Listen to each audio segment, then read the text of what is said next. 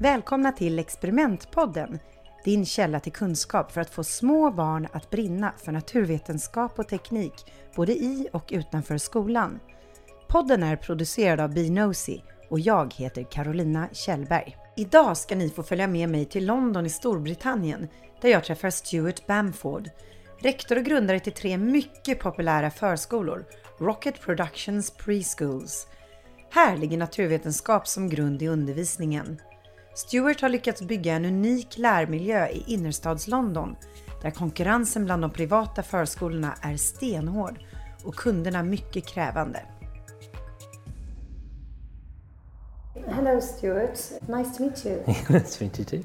Can you please tell me a little about uh, yourself and your work here? Okay, so obviously my name is Stuart uh, Bamford. I have a company called Rocket Productions and we which stemmed actually from a science actual angle, which was my grandfather worked for NASA and exclusively on the Apollo missions. So um, I started a little company, which is a bit of a tribute to him. Um, but that company um, owns a couple of schools in London, which I'm um, the head of. Um, one being Chelsea Pre Prep, which is being in, in existence for around 10 years now um, and is a highly rated nursery in the area. And the second one, which is Kingsland, um, which opened this September um, as, a, um, as, a, as a second school very close to Chelsea, um, pre prep, um, but um, hugely different in its physical environment.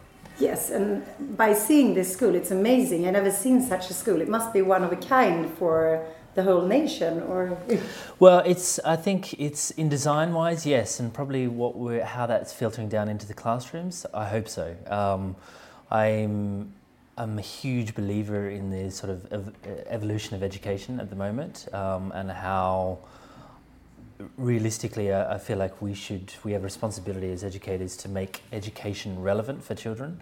Um, I'm hugely concerned about schools that, uh, and which is largely UK based, but sometimes when there is huge reputations behind some schools, it often inhibits the ability to to progress um, because why would they? People have, you know, are signing up or sending their children to that school because it has this reputation of education over so long. But I just find that education today needs to be much more relevant because the companies of today uh, are evolving, the workplaces are evolving, the, the needs of your employees is, is evolving. So, um, and therefore, what's selling in the wider community has evolved. Um, so the skills that we are trying to really instill on the children sort of align with that world of thinking.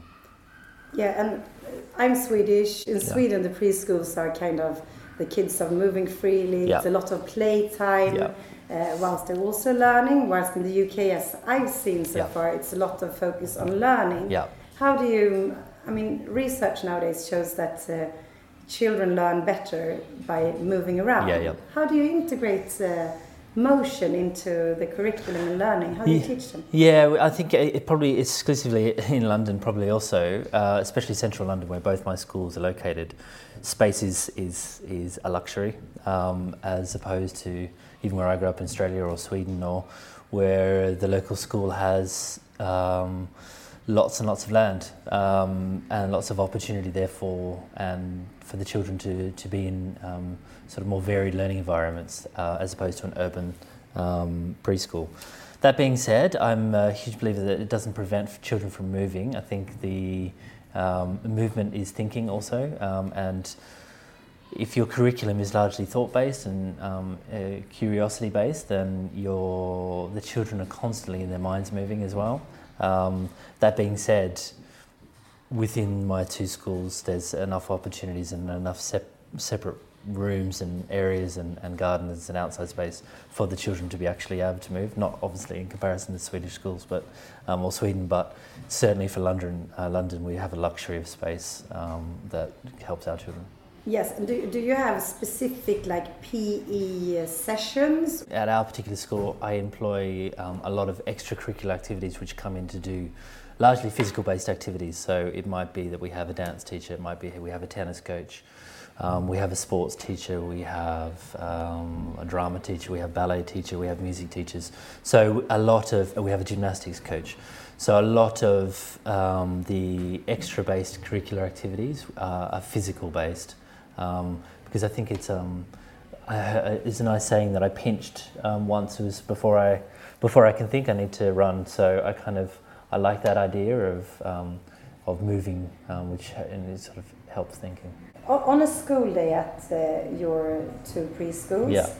how is the day evolving? I mean, do, do you have um, proper lessons? Yeah, I mean, I'm in terms of education, I do steal great aspects of a lot of the different theories around whether it be Montessori or some great forest school ideas coming out of Sweden or high scope out of um, the states. So there's great theories around that I uh, that I certainly um, steal aspects from. Um, in terms of what I'm trying to do, the, there's kind of three real C's that I call them that um, we implement throughout our school day, which is critical thinking, it's creativity and collaboration, and these are the three aspects that I really feel like the skills are, are stemming from for a child to, to not just for early years education, actually that's right through till they graduate so or go off into the workplace.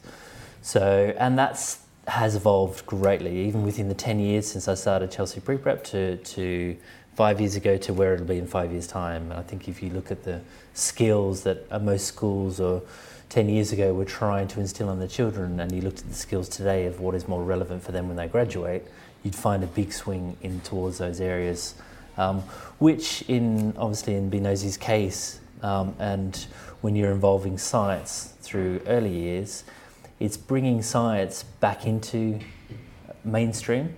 Um, I always found that science was almost a subject that you'd, uh, you, you do at school, or parents would encourage their children to um, partake in. But actually, for me, science is, a, is, is, is, is actually in every lesson that we do. So it's, it's one of those collaborations that's now left the. I used to, for example, I used to have a, a science club where the children would turn up and do experiments.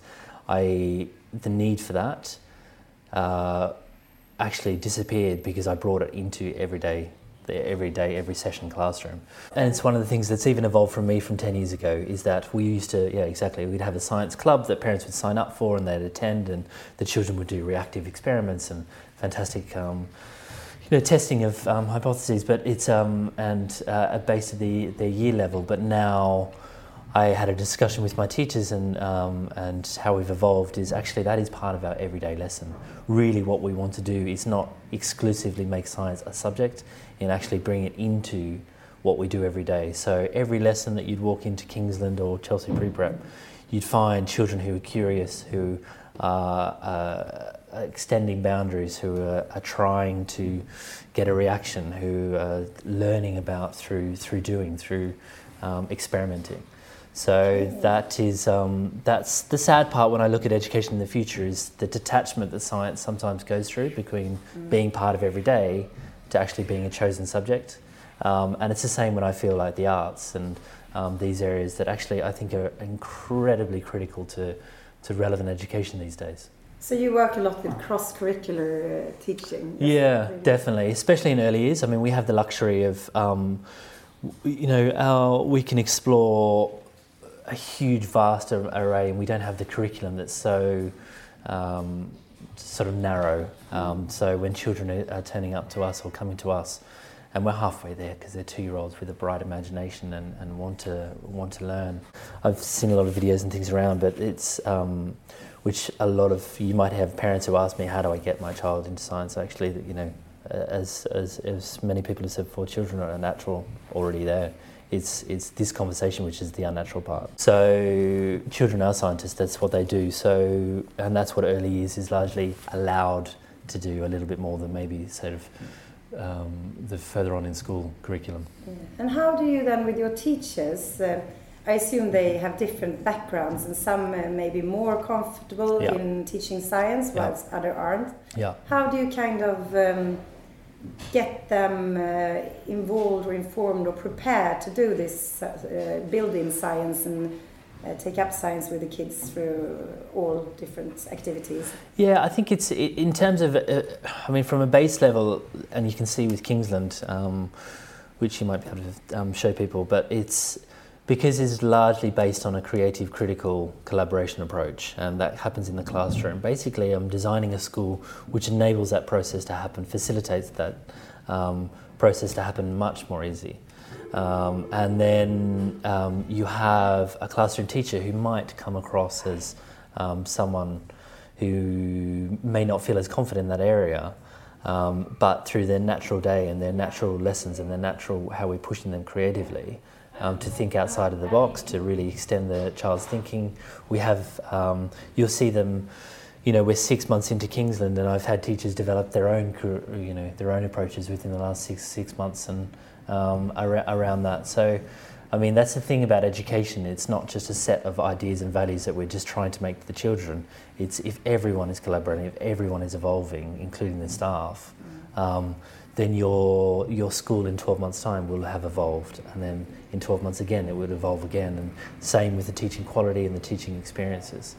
So teachers share their knowledge somehow in between themselves. Yeah, we have think tanks, and which the room we're sitting in at the moment is a, and uh, even at the sort of the high table we're sitting at the moment is a is a space that was created not only as a lovely room, but it's it's more to allow my teachers to get together and to come up with ideas, to come up with resources, to collaborate. If I'm asking the children of Kingsland or Chelsea Pre Prep to really collaborate with each other and work with each other as little people um, I've also got to demonstrate that ability as a, as, a, as a head for my staff to be able to do that. So, the, yeah, that's a critical part of um, which is the, the great thing of having two schools so close to each other is your teaching team is, is double the size mm. in, in, a way. So, we also do cross, cross collaboration between the two sites. This Friday, for example, we're, we're doing a cross collaboration between half the school teachers are going to Chelsea and half the Chelsea ones are coming here, and that's for them to see how a different classroom or a different different approach and to get different ideas to bring back into their classroom. So it's constantly experimenting, viewing, self-evaluation, and then putting it into practice, which really is the basis of what a science um, is. Yeah, definitely. And do you sometimes share your knowledge and uh, take or get knowledge from schools outside? Yeah, I do. I mean, there's I mean, there's some schools around that are um, yeah, they're fantastic. I mean, I, I'm I do feel like at the moment we're, we're trying really hard to, to lead um, in that area and I'm very lucky and very spoilt almost in, in that my two schools have the space and I was able to reinvest in this school to create a space like that. And I, I find in the UK and especially in London, there's you know some fantastic staff around, some fantastic teachers, and sometimes the physical environment makes um, and every school does the best of what they have, um, but I'm just lucky I've got a good spaces to be able to facilitate it a little bit more.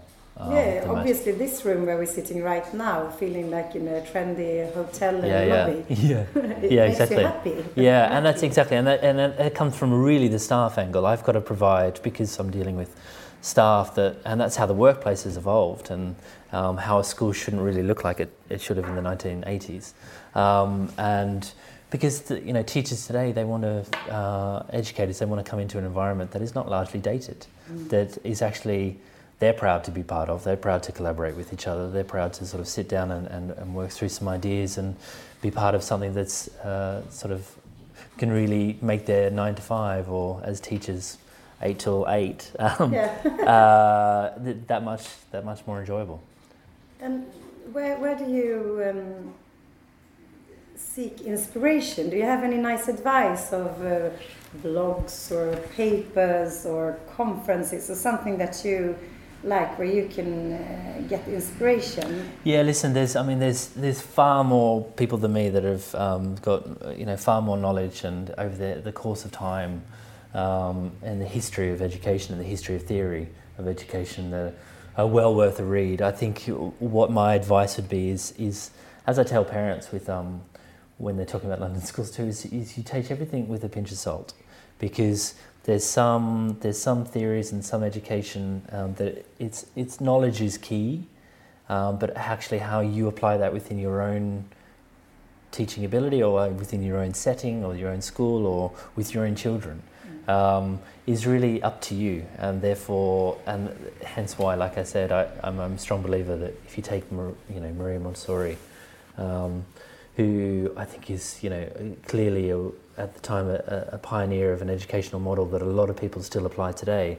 Now, I more see her as almost a pioneer scientist in many ways than a sort of just an educational theory, is because, th- and that being said, if she was alive today and was doing schools today, I would, I would hasten to guess, and I might be wrong, um, that her model would have evolved, um, and and through experimenting, reevaluating, making things relevant, making things for children today, um, and putting the interest levels up. There's a lot of um, there's a lot of things in the you know in politics, and there's a lot of things in the environment, and there's a lot of um, concerns within the environment which are much more relevant for children going to school now than we were made aware of when I was um, going through school. Mm. So there's sometimes concerns outside of the, the four walls that we need to really help and adjust within how that makes it more applicable, applicable for children to go out into that world and, and change it. Yeah, and, and like you have quite demanding parents here, and now you're a parent yourself yeah. two children. Yeah. Uh, how do you um, handle the parents and how do you work with them to make the learning experience uh, better for the children? Yeah, do you know, and I actually see how that's evolved. I mean, um, I guess it can be seen that, um, you know, parents of a, a, you know, an independent private school within this part of London in the UK is, is seen as demanding. I, I often find that actually it's their interest level is incredibly high, and um, yes, their, their number one concern in life is, is going to be their children, and that's I find like that, and that's adjusted me as a father as well. You do, um, you know, your your outlook on on on education and also schools, and as a parent, totally changes uh, from where I was as a pure educator, but um, no, I don't find them demanding. I do. I, I, find them interested in their learning, which is which is half the battle. I think in education is you know you want parents to be interested in their child's school, um, but then you want parents to also be able to be receptive to the school for feedback on the particular child. And I, I find um, that's largely evolved over the last sort of ten years as well. Is that um, parents these days are looking for slightly different things in their in the schools that they were ten years ago. Um, I used to be asked eight, 10 years ago a lot more. I need my child needs to learn how to write their name at a certain time. Mm. Uh, whereas that conversation has disappeared, and more parents are really concerned about their child being happy, curious, interested, um, their skills, their communication, their questioning ability. There, um, so parents are becoming more savvy in schools, um, and therefore schools are evolving accordingly yeah. Um, which is a, which is a nice evolution there. That, that's good though. And uh, yeah. how do you but how do you communicate with the parents? Technology is obviously you know huge in that in that um, we as teachers today and actually educators today and, and the heads today are, are spoiled with forms of communication because the rise of technology. Um, you know, all my staff have email addresses, whereas 10 years ago they didn't. Um, and that's such a basic level of communication these days um, let alone the apps or the uh, fly on the wall experience that you can give a parent um, into access to information. Mm. Um, you know, through their learning journals, it used to be that we'd cut and stick, we'd take photos, cut and stick, and write up a report of like a you would an experiment um, with what happened, what did the child learn, and what was the conclusions, and where do they go next, and that was sucked into a folder and looked at once a term by parents that is now, uh, because of the rise of iPads and apps, that is a daily occurrence. Um, whereas, and videos have come into it, and footage, and. And gosh. do you use a specific uh, app to communicate? Yeah, I mean that's something that um, I'd love to uh, get into further, is because of the rise of that. Um, the it's hard because a lot of the apps at the moment are, you know, are covering such a variety of schools and such a variety of needs, and therefore we use um, some online profiles um, that and some apps and Tapestry and ones that are linked to the EYFS, which is the early um, years early years foundation stage within the UK. So there's a lot that are great out there and, and learning, and I think that there's even some coming out of Denmark, which family, which are great for that. But there's that is something that is constantly evolving. There's more coming to the market, and again, a lot of them, some are geared towards more design or user experience, others are coming more from an educational background um, or what is needed to, to tick the right box at the right time um, mm. background. So um, again, you've got to sift through a little bit as a school to find the one that's more applicable to you okay. um, and to your, I guess, your parent base. I was very, I'm very curious. In Sweden, coding has yeah. become really popular, yeah. even at preschools, yeah.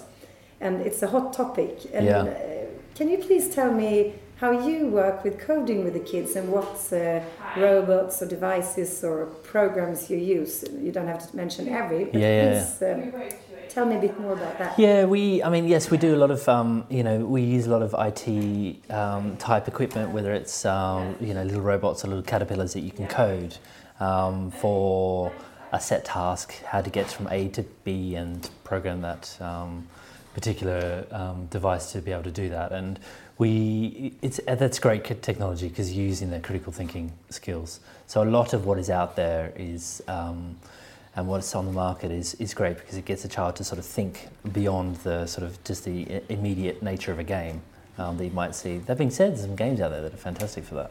Um, but uh, yeah, I mean, we push it. I'll show you after. I mean, it's hard to um, discuss now, but I created an Imaginarium as well in this particular building, which is a largely um, tech-based um, room, but it's it's an immersive environment. So it's a it's a gymnasium where they can move and feel free and um, and develop the, the larger muscles because as we know in, in early years that you know you've got to develop the strength the core strength and the larger muscles before you can sort of come down to the smaller muscles and the yes and keeping in mind the children here we never spoke about the exact age yeah two to five two. two to five year olds so and and but i wanted to push that idea of what that room is um, a little bit further because in london there's play centres and there's physical development rooms and um, par- uh, you know, parents are always queuing up for something that um, can get the child to be active. Um, but I wanted to think in that environment too. So we, I largely, I worked with a, a company out of Manchester, Immersive, um, and the it's a very simple sort of blending of projectors with interactivity on the walls, which we can then upload content and the children can utilize as part of their sort of daily experience. And and that's either to put them into an environment where you're not just sort of uh, you're not just showing them a picture of what surfing is, you're taking them surfing um, because and you're using balance up there on balance boards, but the immersive experience from all the surrounding walls because it's a 360 surrounding wall experience takes them into a wave to surf takes them into the actual sort of the curve of the barrel to go surfing or you can put them in into in the middle of a, in the middle of a safari instead of showing them pictures, books of what a safari or animals are. Mm-hmm. Um, and what you're bringing into the experience is more of what it, life really is. I mean, sometimes a, a, a 2D picture is, can be a cold image. Um, whereas a, an elephant actually walking around you is a, is a totally different experience. Yeah, but it's amazing, and things like space also, totally. even the jungle, but places where they can't really. Exactly, I can put them on the on the International Space Station um, in with the touch of a button, and that's inside a room with a view aspect of Earth or the stars that a child's never seen before, um, or in many cases knew existed. So is this one company supplying uh, one hardware? and then one software that allows you to exactly. get Expand. into all these virtual worlds. Yeah, I can do that almost, and um, we can upload around content and we can design around. So um, yeah, it's a it's a, a great um, piece of equipment that is, exists out there, and a lot of it's strange in education. There's a lot that gears towards the SEN or the special education needs um, aspect of education, um, which is largely senses based, or um, and this immersive room is almost putting children in a in an environment that they initially might find really confronting, like going to an airport, mm. Um, and this can help them because you can simulate that. Um, therefore, you're helping them exist out, outside of the um, those walls and giving them the experiences. But actually, I think that can be applied also throughout mainstream, and that's to do these kind of experiences, to take them to um, to take them to the moon, to put them on Mars, um, to put them inside a rocket ship, to put them in Times Square, and um, whatever you want to do, you can sort of change their aspect. Wow, and I can imagine it creates a lot of uh, question and curiosity. Yeah, which is really what's behind it. It's not just sort of just putting them in the room and hearing the words "wow," which you'll hear in the in the first couple of weeks. It's actually then the beauty of children is there's no filter. They then ask questions. They then want to know. They want to inquire. They want to experience. Mm. So, and again, what you're trying to facilitate there is their natural curiosity for that child to, to develop through early years school, which realistically, A, again, is a science based curiosity, um, which is the, the number one strength that they can carry through to the next school. Wonderful. Thank you very much, No, you're Stuart, for Gosh. your time. Yeah, yeah. You're and welcome. your sharing your knowledge and That's fine. have You're welcome. You're welcome. Tack för att du har lyssnat på Experimentpodden, en Binosi-produktion med mig, Carolina Kjellberg. I nästa avsnitt beger jag mig till Tom Tits förskola i Södertälje för att träffa förskolechefen Caroline Deiving Gummesson. Hon driver en förskola där kreativiteten kring lärandet inom naturvetenskap och teknik flödar. Vill du få detaljer kring experiment så gå in på bnosy.com, alltså bnosy och prenumerera på vårt nyhetsbrev. Vi hörs snart igen.